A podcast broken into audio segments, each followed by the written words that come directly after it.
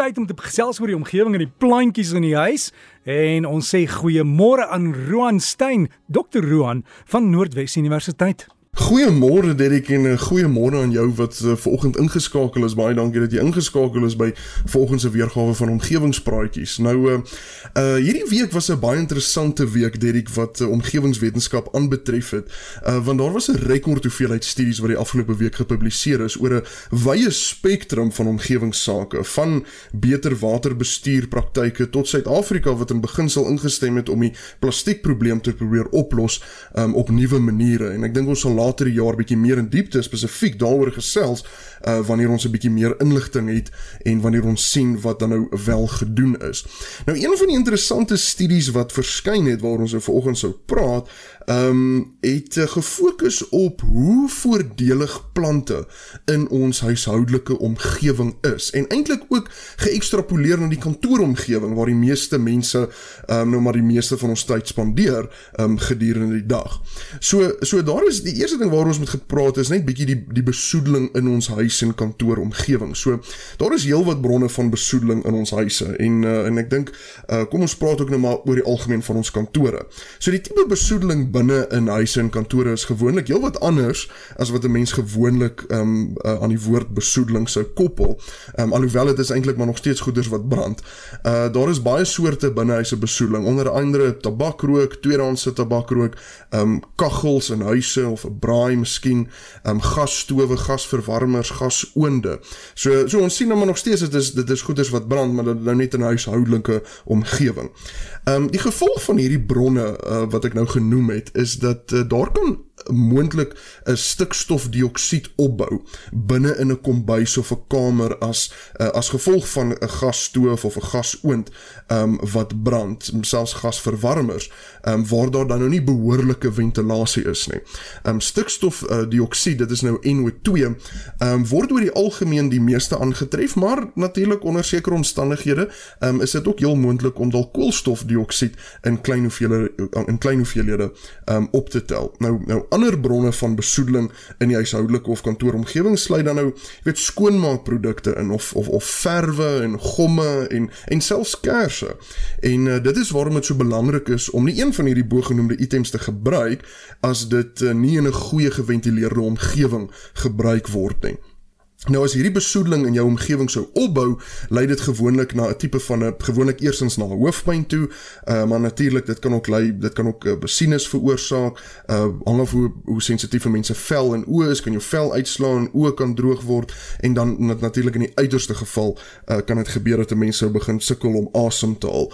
Uh maar mense wil natuurlik nou glad nie hê dat dit moet op daai tot op daai vlak gaan nie. En ek en ek moet ook nou by sê Derek, luisteraars is dat uh, wanneer mense gas stoof en gasoond um, reg werk, wanneer jou gasverwarmer reg werk, is die opbou van hierdie tipe besoedelings uh, of besoedeling daarom nou baie minder.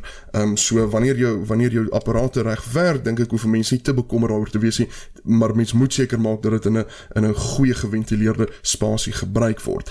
Ehm um, maar onder sekere omstandighede kan daar dalk 'n opbou van hierdie besoedeling wees. Ehm um, nou nou om terug te kom by die studie ehm um, wat wat onlangs gepubliseer is. So so wetenskaplikes het gaan kyk hoe plante 'n rol kan speel in die binnehuise omgewing of in die kantoor om te help om hierdie besoedeling te verminder. En en die uitslae van hierdie studie het uh, almal nogal verbaas op 'n baie goeie manier. Um, hulle het spesifiek na stikstofdioksied gekyk, dis nou NO2, en gekyk watter plante maak 'n wesenlike verskil, indien enige verskil in die hoeveelheid stikstofdioksied in die houer waarin hulle dan nou die eerste eksperimente gedoen het. En uh, daar is 3 plante wat geïdentifiseer is as die beste kandidaate om om ontslae te raak van hierdie stikstofdioksied in ons omgewing. So eerstens is dit die bekende seilbootjies is geïdentifiseer. Dit is nou die peace lily soos wat in Engels bekend staan. En dan tweedens is dit die uh, Dracaena fragrans gebruik uh, wat wat baie goed gewerk het um, vir hierdie eksperiment en um, en daar word ook natuurlik uh, oor die algemeen verwys na hierdie plant as die, as die dragon tree.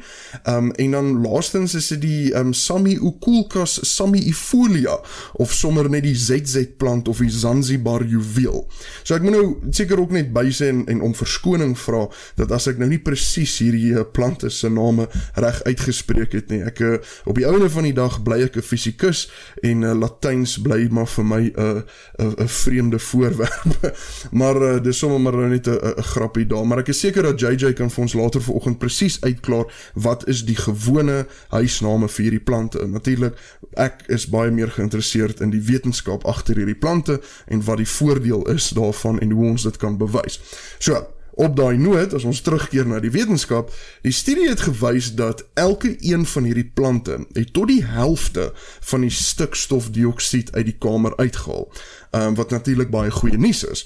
Ehm um, wat meer interessant is is dat um, dit maak nie saak dit blyk dat dit maak nie saak in watter toestand of in watter omstandighede ehm um, die plant is nie. Byvoorbeeld die eksperimente het gewys dat die plant kan in 'n donker kamer wees. Daar kan 'n groot tekort wees aan lig of al kan dalk miskien te veel daglig wees. Ehm um, die plant is dalk blootgestel aan aan aan nat omstandighede of droë omstandighede.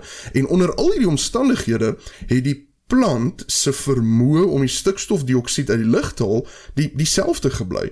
Um en en dit is nogal verbasend, dit is baie voordelig. En en waarom hierdie so belangrik is is omdat dit eintlik so uniek is, want want die omstandighede van 'n plant spel uh, speel gewoonlik 'n groot rol uh, uh, in die prosesse wat dan nou daarop volg, soos byvoorbeeld uh, wanneer 'n mens koolstofdioksied of wanneer die plant natuurlik nou koolstofdioksied uit die lug uit wil haal, dis nou CO2.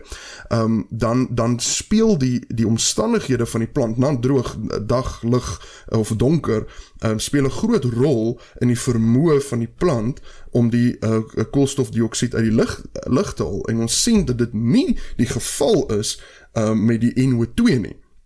En uh en en en tydens hierdie studies het hulle ook gesien dat daar is geen indikasie um dat die stikstofdioksied teruggesit word in die lug nie. Wat beteken dat hierdie NO2 word deel van die plant se lewensiklus as dit ware. En en volgens die studie en die wetenskaplikes op hierdie stadium is is is hulle nie 100% seker hoe dit werk nie, want natuurlik ons is ons is heeltemal uh, vertroud met hoe fotosintese werk, wie die gaatjies op die op die op die blaar maak oop en die CO2 word geabsorbeer en dan daai selfe gaatjies word gebruik om die suurstof um um uit te haal, uh, terug te sit in die atmosfeer So weet ons weet hoe fotosintese werk, maar dit lyk asof die absorpsie van van NO2 nie op dieselfde manier werk nie.